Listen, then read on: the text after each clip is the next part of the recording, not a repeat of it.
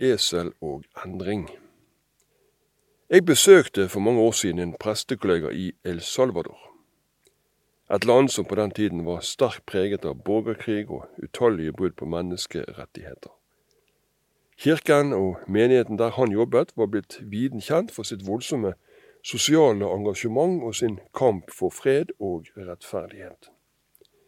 Med de farer de dermed utsatte seg sjøl for. På mitt spørsmål om hvorfor de engasjerte seg så sterkt med fare for liv og helse, så svarte presten med å fortelle om sin egen, det han kalte for sosiale omvendelse. Han var prest i en vanlig menighet som levde sitt stille liv. En søndag gledet han seg virkelig til å holde gudstjeneste, for han mente sjøl han hadde skrevet en særdeles god preken. Og han så frem til å fortelle menigheten hvor skapet skulle stå. Teksten denne dagen var om den barmhjertige samaritan. Om denne mannen som falt i hendene på røvere og ble liggende halvdød i veikanten.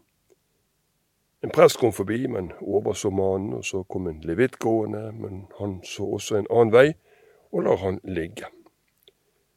Så kom det av alle mennesker en samaritan ridende på et esel. En samaritan forventer man ingenting av.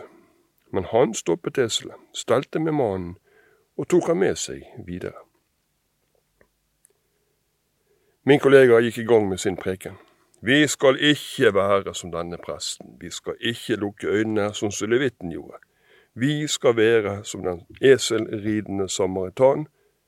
Vi skal se, vi skal stoppe, vi skal gjøre de rette tingene. Han la virkelig tungt på menigheten hva som var rett å gjøre og var sjøl særdeles fornøyd med preken. Etter messen så ble han stoppet på kirkebakken, og en av de plagede bøndene ønsket å stille spørsmål om prestens preken. Du, kjære presten vår, jeg har tenkt så mye på denne fortellingen om den barmhjertige samaritan, og jeg lurer på følgende. Hvordan ville fortellingen sett ut dersom denne samaritanen hadde hatt et hurtigere esel? Presten eh, ble svar skyldig, så bonden han måtte utdype spørsmålet. Jo, jeg har tenkt at om samaritanen hadde et kjappere esel, så hadde han vel kommet fram samtidig som overfallet skjedde. Og hvordan ville denne fortellingen da sett ut?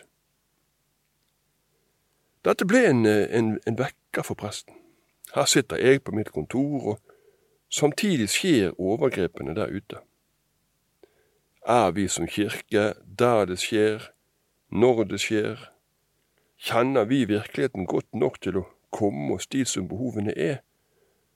Og tør vi gjøre noe med det?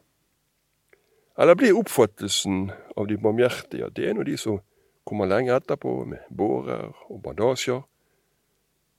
Dette ble for han starten på en ny måte å drive kirke på. Etter å ha hørt denne historien, så skrev jeg en lapp som jeg har hatt med meg siden i lommen.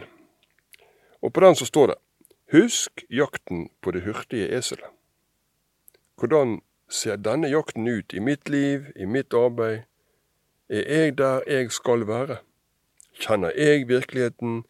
Kjenner jeg menneskenes behov godt nok til å komme meg dit det trengs, når det trengs? Eller blir jeg stående fast i det vante, og det trygge, og vegrer meg for eh, endring.